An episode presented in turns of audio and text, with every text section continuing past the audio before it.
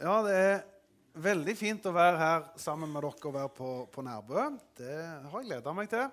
Så takk for invitasjonen og muligheten. Jeg, eh, jeg, har faktisk vært her en gang før. Eh, da tror jeg det var Anders Undheim som var pastor. Så det er en del år siden. Ikke sikkert noen av dere husker det, men det betyr jo bare at jeg ikke har gjort særlig inntrykk på dere. Det er helt greit. Det er helt greit. Eh, og Det kan jeg faktisk ikke si om, om, den karen der. For vi hadde lederskapsmøte hjemme i Betel Hummersåk, der jeg er pastor, nå tidligere i uka. og Da drev vi og planla litt høsten og forkynnelsen. Og jeg spurte er det er det sånn at uh, dere vil ha noen gjester utenifra.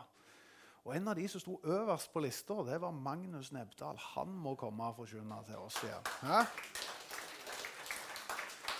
Så jeg forventer et svar i dag. Jeg har sendt han mail tidligere i uka. Eh, Magnus er en veldig god kar, og jeg har fått hilst litt på Rebekka òg. Og så langt jeg kjenner de, så er de mennesker som er dedikerte til, til Gud, til, til menigheten, til tjenesten. Og det skal dere ikke ta for gitt. Det er en fantastisk Dere er heldige, og dere er velsigna. Dere er dere har fått noen veldig gode folk. Jeg vet ikke om dere fortjener å ha så gode folk. jo, du får, du, jo, du, du får, jo bare så gode pastorer som du fortjener, så dere fortjener helt sikkert det. Det betyr sikkert at dere er med og ber for dem, og backer dem, og heier og støtter. og Det må dere fortsette med. Det er ufattelig viktig. Det er ikke det yrket som det er lengst overlevelsestid i. Det er mange som sliter seg ut i det yrket. Så jeg oppmuntrer dere til å stå med dem, heie, backe, be for dem. Gjør de gode. Det er lagspill med menighet. Så overrask de med et eller annet. Send de på en ferie de ikke hadde tenkt å ta sjøl. Dette har ikke han bedt meg å si, og dette hadde jeg ikke planlagt å si heller. Så vi får se om det påvirker honoraret etterpå. Men eh, han hadde ikke bedt meg si dette. Men jeg hadde lyst til å bare si at dere, dere, har veldig gode folk i spissen her i menigheten. Så ta godt vare på dem. Det tror jeg er så viktig. Yes. Eh, men jeg får komme i gang og tale. Det er jo et kinesisk ordtak som sier at eh, velsignet er de som holder korte taler, for de skal bli invitert tilbake igjen. Eh, så skal jeg ha kjangs, så må jeg begynne med en gang. jeg er jo først og fremst dedikert til min egen menighet eh, og taler der ganske ofte. Ganske mye om å forberede en hel del. Og gjennom årenes løp så lærer du deg jo at OK, i dag satt det, og i dag satt det ikke så godt. Og i dag var det en kjempetale, og du får respons. Andre ganger er det ikke så bra. Og så er jo privilegiet når du kan reise rundt noen få ganger da, og tale andre steder. Så kan du plukke noen av de beste talene du har gjort, og så kan du liksom levere dem videre til de nye stedene. Det er jo det enkleste og det beste på en måte. Men samtidig så har jeg såpass respekt for talerstolen og det å gi noe fra Guds ord og ifra, kanskje en hilsen fra Herren. Så jeg pleier òg å gi Jesus et lite vindu. Så jeg sier jeg vil helst ta noe gammelt som jeg har eh, vet funker. Men hvis du har noe du vil si til dem, så må du tale tydelig. Og så var det mandagsmorgen for en liten uke siden når jeg satt og leste i Bibelen. Jeg, hadde, jeg var i, i, i Lukasevangeliet, min personlige lesing, og jeg kom til slutten av Lukasevangeliet, og så var det en tekst der som talte til meg. Og så tenkte jeg kanskje det er noe jeg skal bringe òg. Så dermed så blir det en flunk, fersk, ny tale i dag òg. Det blir liksom ikke at jeg kan hvile på en eller annen gammel jeg har hatt, men det blir en hilsen som jeg håper dere får noe ut av. Det er den siste avsnittet i Lukas kapittel 24. Og det er, Overskriften er 'Oppdrag og avskjed'. Det er Jesus som har den aller siste tid sammen med disiplene. Og han sier sånn som dette her. Det var dette jeg talte om da jeg ennå var sammen med dere og sa alt det som måtte oppfylles, som står skrevet om meg både i Moseloven, i profetene og i salmene. Da åpna han deres forstand, så de kunne forstå Skriften, og han sa til dem, slik står det skrevet, Kristus skal lide, stå opp fra de døde den tredje dag, og, skal, eh, og i hans navn skal omvendelse og tilgivelse for syndene forkynnes for alle folkeslag. Dere skal begynne i Jerusalem. Dere er vitner om dette.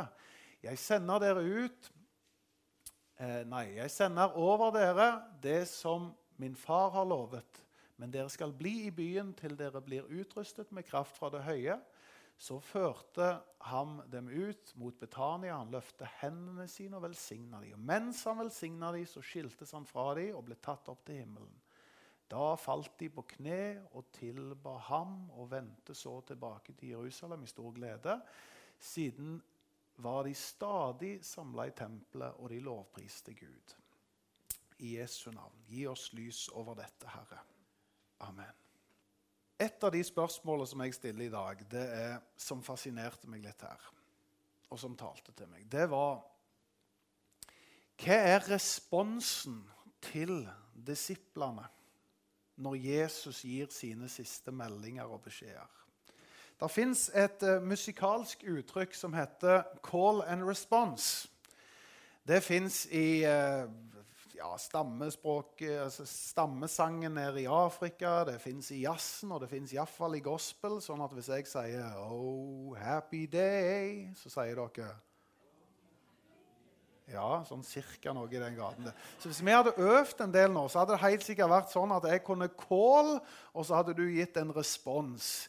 Det kjenner vi igjen fra gospelen. Amen osv. De forskjellige sangene som finner dere. Og så får du med forsamling, og så responderer en.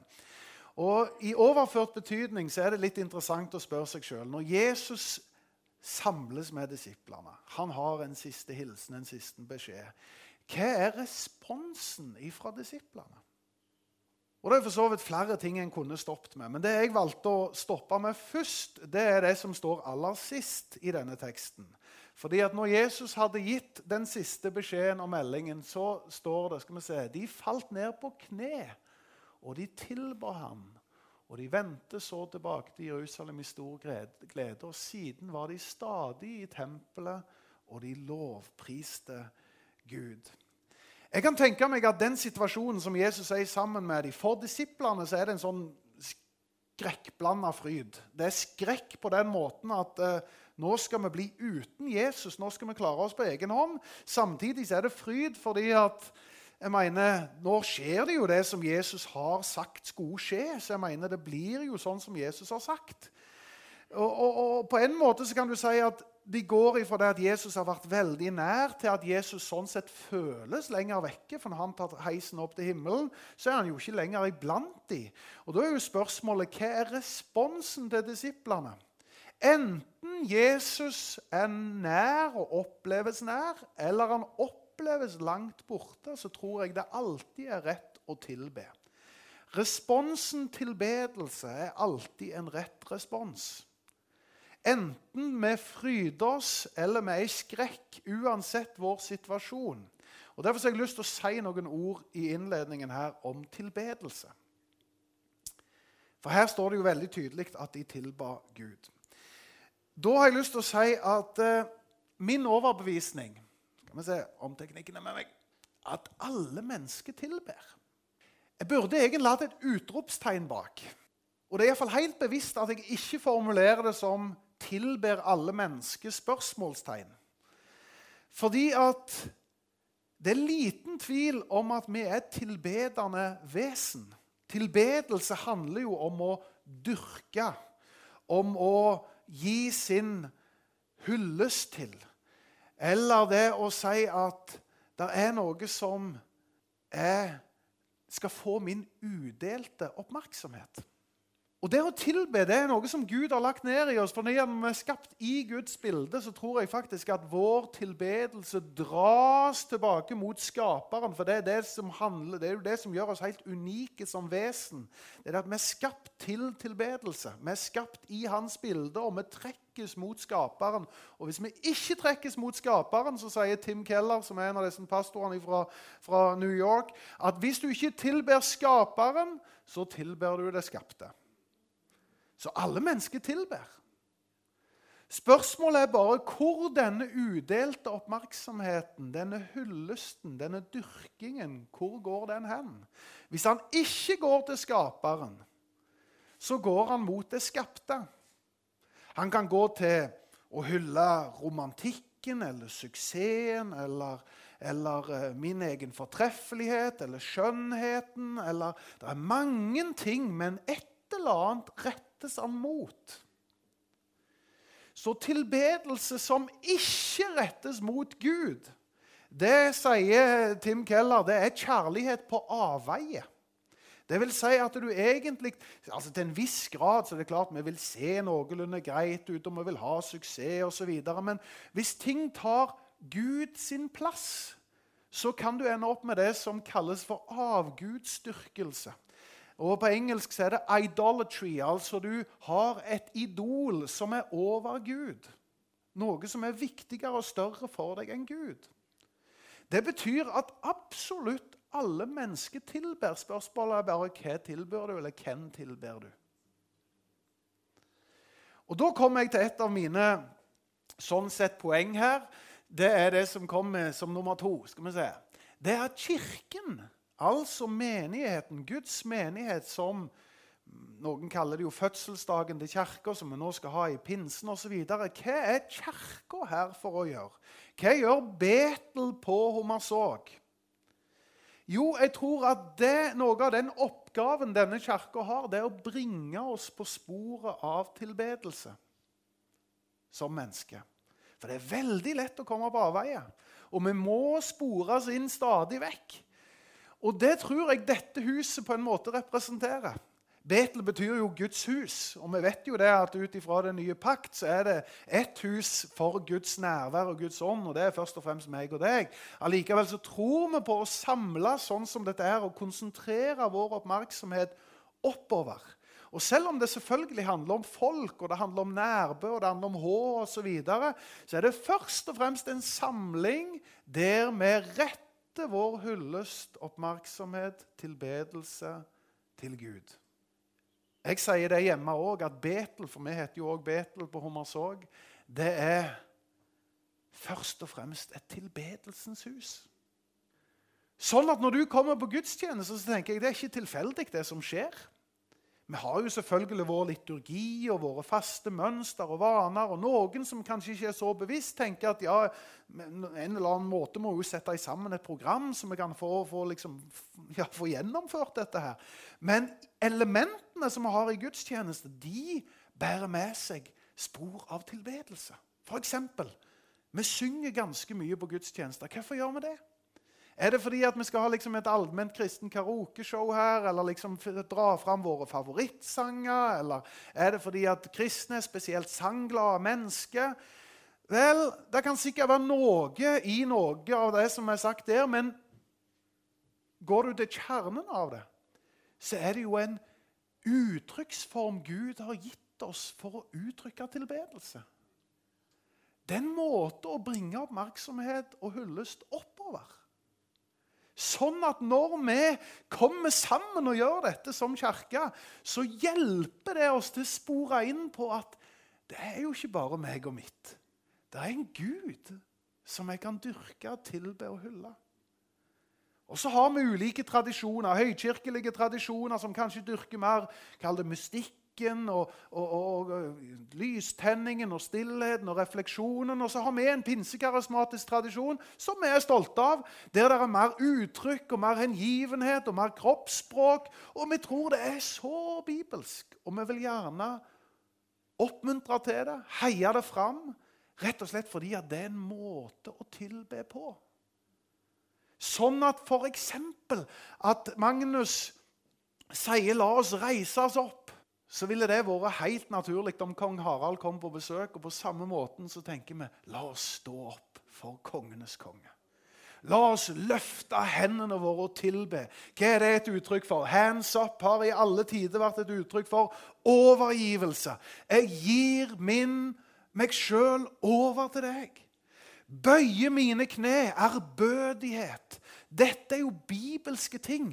Om du har evne på instrument, så bruker du det fordi at Bibelen så står der om pauker og trommer og cymbaler og sang og dans. og Jeg torde ikke snu meg og se om noen av dere danste. Men jeg tenkte ok, jeg får være litt danna her. Jeg skal ikke danse sjøl, men jeg skal iallfall tilbe. Det er jo det det handler om, og det må vi ikke skamme oss over. Det er en enorm kraft i tilbedelsen. Ja, men gudstjenesten er mer enn det. Vi tar opp en gave og gir i kollekten. Det kan du si, ja, men det er jo for at Magnus må jo ha lønn og man må ha strøm på bygget osv. Ja, det er en del vi må ta felles utgifter. Men det er noe mer enn det. Gi Herren ære med gave av ditt gods, med førstegrøden av din avling. Det vil si, du kan lovprise Gud med det du har i lommeboka. Du kan bruke det du sjøl har blitt velsigna med, til å være med å gi tilbake igjen til Gud. I den forstand at du sier, 'Gud, måtte dette bli brukt til å fremme din sak og ditt rike'. Da blir kollekt det blir ikke et pauseinnslag i gudstjenesten. Det blir en tilbedelse. Se for deg å komme i en eller annen bursdag, da, om du skal sammenligne det med det. Om du kommer i en bursdag og tenker Nei, jeg har ikke tenkt å bringe med meg gaver iallfall, til bursdagsbarnet. Og synger de bursdagssangen, så kommer jeg til å tie stilt blir et eller annet rart med den bursdagen hvis ingen har med gaver og ingen har tenkt å synge. Sant?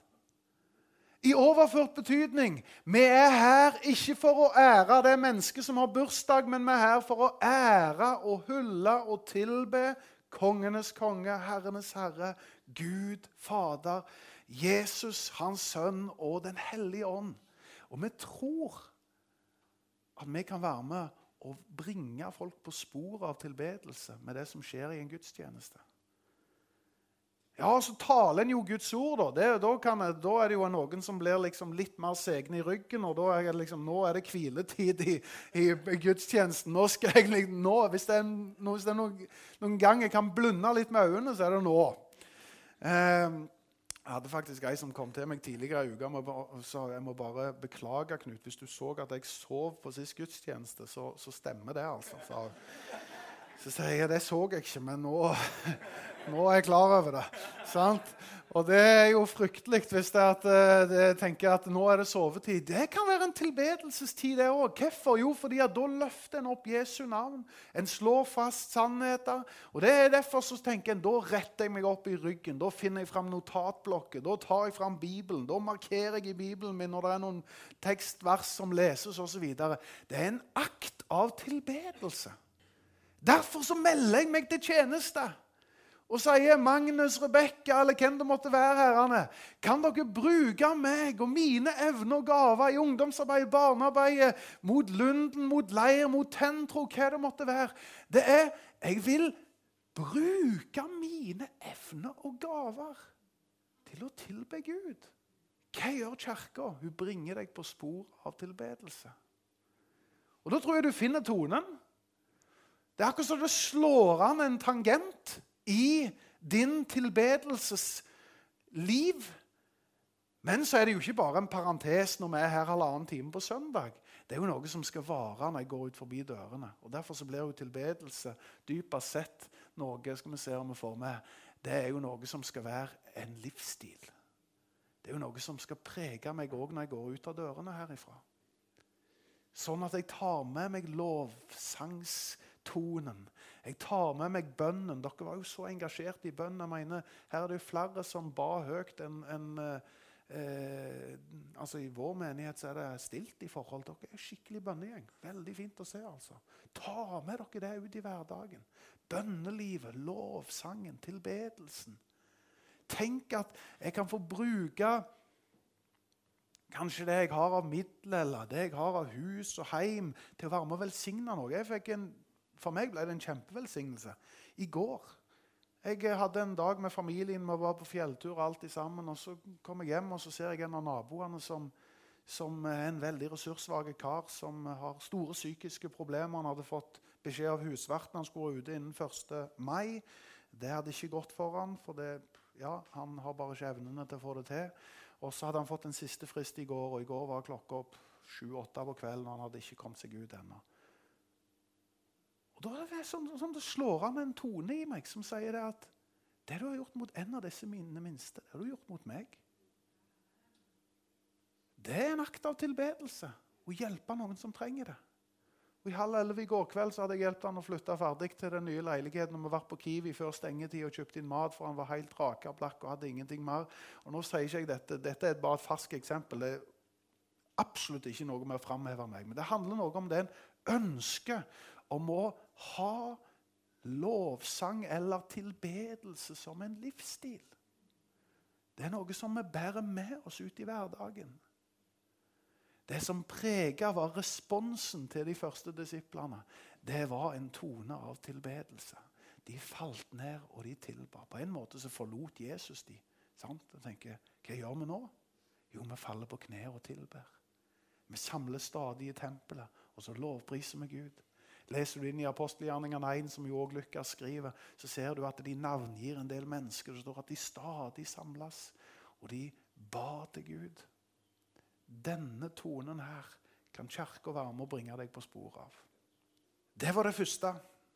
Det andre som jeg la merke til når vi snakker om call and response, altså Jesus ga en melding, Jesus ga en beskjed, Jesus hadde noe på hjertet. Hva var responsen? Jo, tilbedelse. Det var nummer én. Ja, nummer to det er de lot seg bevege. Jeg skal ikke lese hele den teksten på ny, men der står det jo at Jesus egentlig deler evangeliet med dem. Sier egentlig hva essensen av evangeliet Så sier han dere skal bli utrusta med kraft fra det høye. Og så skal dere få være vitne om dette. Dere skal få lov å begynne i Jerusalem, eh, men det skal ikke stoppe der. Og Nå er vi jo akkurat i disse dagene, da, for nå var jo Kristi himmelfart på torsdag, og pinse kommer til helga, som er liksom sånn i forhold til vår kirkekalender, så er vi der nå. Og Da jo spørsmålet hva, hva skjedde med disiplene? Lukas er jo en av de som får skrive om dette to ganger. fordi Han skriver både i Lukasevangeliet og så skriver han det om så sånn sett kan du se Forlengelsen er jo apostelgjerningene 1 og 2 osv. Da kan du tydelig se at det som skjedde, det var at de lot seg bevege. Og hva var det som bevegte dem? Det var jo den berøringen av Den hellige ånd. Og Jesus hadde tidligere undervist litt om Den hellige ånd. Han hadde sagt noe sånn som dette her. Det står i Johannes kapittel 3. At vinden blåser dit den vil. Du hører den suse, men du vet ikke hvor han kommer ifra, og hvor han farer hen. Sånn er det også med det som er født av Ånden. Jesus prøver å undervise dem om dette nye som skal skje, at de skal bli beveget av Den hellige ånd. Og Da bruker han illustrasjonen vind. Og I rent sånn overført betydning så betyr jo Den hellige ånd på Eller ånd, Guds ånd, da, betyr jo på grunnteksten det betyr Guds pust. Eller Guds bevegelse. Så hvis du trekker inn Jeg trenger ikke gjøre det nå, men hvis du bare tenker sånn Hva skjer når du blåser ut? Jo, det er jo en bevegelse. Det er Guds luft. Det er Guds måte å bevege seg på det er Den hellige ånd. Sånn at Jesus instruerer disse disiplene og sier dere er helt avhengige av Den hellige ånd for å være dette vitnet om dette evangeliet der dere skal. Og Det som skjer i forlengelsen, fordi at Leser du inn i apostelgjerningene 1 og 2, så kan du se at det var nettopp det som skjedde.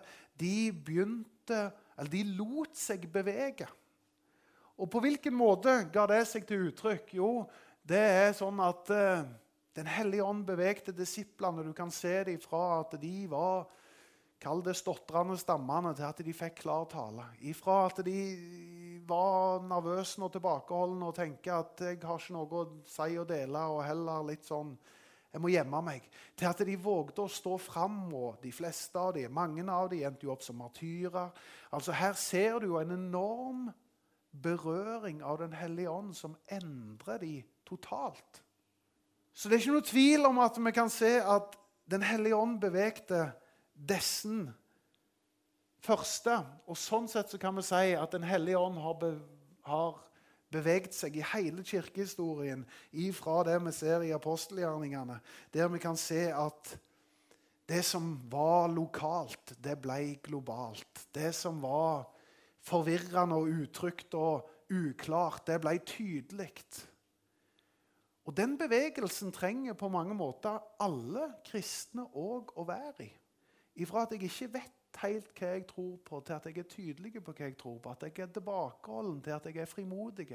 Til at jeg tenker det begrenser seg bare til noen helt få som jeg tårer å dele med. Til at jeg tør å sprenge litt ramme og komme litt ut av det. Det store underet med pinsedag det er jo at Gud kommer ned ved sin ånd Og så blir det et sånn kommunikasjonsunder som sprenger alle grenser. Ifra at de tenker ja, det var tungetale, og folk tenkte ja, det må være fulle preik, til at de skjønte at her er det jo 17 nasjonaliteter representert, og alle hører de Guds storverk talt på sitt eget språk. Wow! Evangeliet får bein å gå på. Det begynner å komme til nye stammer, nasjoner og folk. Evangeliet blir globalt. Det er det som er så fascinerende med Den hellige ånd. Den hellige ånd er Guds bevegelse, som kommer inn i disiplene. Som beveger dem på en sånn måte at de våger å stå fram med troen sin og være tydelige. Og Da blir jo det i overført betydning, og det siste punktet jeg har i dag, det er jo spørsmålet om eh, Den hellige ånd får lov å bevege oss. Jeg tror kanskje det var en hilsen jeg skulle bringe til dere. Lar du Den hellige ånd få bevege deg? Den hellige ånd er Guds bevegelse. Det er Guds pust. Og Av og til så må det fornyes og forfriskes. Jeg mener Vi kan være trofaste, og vi kan komme og vi kan gjøre ting i vante rytmer. Og trofasthet og, og pliktoppfyllenhet er bra. Men vi må samtidig ikke stivne hen i den måten at sånn har vi alltid tenkt og sånn har vi alltid gjort. Nå har liksom jeg fått erfart og opplevd det jeg kan med Gud. Nei, Gud er så mangfoldig at han kan fornye oss på så mange områder av livet. Og Den hellige ånd må få lov å bevege sitt folk den dag i dag. Derfor er dette budskapet fortsatt så aktuelt, selv om vi er midt i en kirkekalender og vi feirer liksom Kristi himmelfart og pinse osv. Lær av disiplene. De lot seg bevege, og de var en gjeng som tilba Gud. Og Den tonen må vi òg få, få ta med oss inn i vår hverdagsliv. Så det er spørsmål hvordan skal Gud få bevege oss i dag? Hvordan skal Den hellige ånd bevege oss i dag? Jo, kanskje det er sånn at han kommer med bevegelse og forfrisker en gave, en tjeneste som du har, som du skal vekke liv igjen. Eller kanskje du tenker jeg har vært rimelig utydelig i mitt vitnesbyrd. Hva var det Jesus sa? Vær vitne om dette evangeliet overalt hvor dere går. Vit at dere er avhengige av Den hellige ånd. Og så tenker du jeg føler meg, jeg har ikke vært så veldig avhengig av Den hellige ånd. Men så kommer du til et punkt der du bare kjenner Måtte det være sånn, Hellige ånd, at du får bevege meg, så jeg kan få lov å bevege andre. Måtte du, Gud, få berøre meg, sånn at jeg kan få berøre andre. Jeg tror det er helt avgjørende for å være med å berøre Hå, eh, Nærbø, nabolaget, familien. Mennesker som er berørt, berører. Mennesker som blir bevega, beveger andre. Skal Guds ånd få lov å bevege deg, ja, da kan du òg være med å bevege andre. Jesus sier som det aller siste før han tar heisen opp Vit at dere er avhengige. Dere trenger å bli utrusta med Den hellige ånds kraft. Og så avslutter han der. Så står mens han sto og velsigna dem, så ble han tatt opp til himmelen. Så det er én ting Jesus aldri har slutta med, og det er å velsigne. Altså Mens han står og velsigner, så ble han tatt opp til himmelen. Så hvis det er noe Jesus fortsetter med, det er å velsigne oss. Det er å berike oss. Det er å berøre oss. Det er å bevege oss. Det er å tale inn i livet vårt. Det har han ikke slutta med. Det holder han på med ennå. Og Derfor så tenkte jeg at i avslutningen så kunne vi lov å bare bestemme oss for i vår call and response. Det er når Jesus kaller, så skal jeg respondere. Jeg skal være en mann, en kvinne, en gutt, en jente som tilber. Jeg skal være en mann, en dame som lar meg bevege. Som lar meg berøre for at jeg skal få lov å berøre andre. Hellige Ånd, du som er Guds pust, Guds bevegelse, Guds berøring. Måtte du berøre oss. Måtte du berøre oss her og nå. Hellige Ånd, jeg vil så gjerne være et menneske som bærer med meg et tydelig vitnesbyrd om deg. Som går med evangeliet dit du sender meg. Hellige Ånd, som livet gir, fall nå over oss. Bruk oss, send oss, fyll oss, tenn oss, Herre. La oss ikke stivne til i våre former, at vi ikke lar oss berøre og bevege lenger, Herre. Jeg vil iallfall bekjenne min avhengighet til deg, Hellige Ånd. Jeg trenger at du berører meg for at jeg skal kunne berøre ham. I Jesu navn.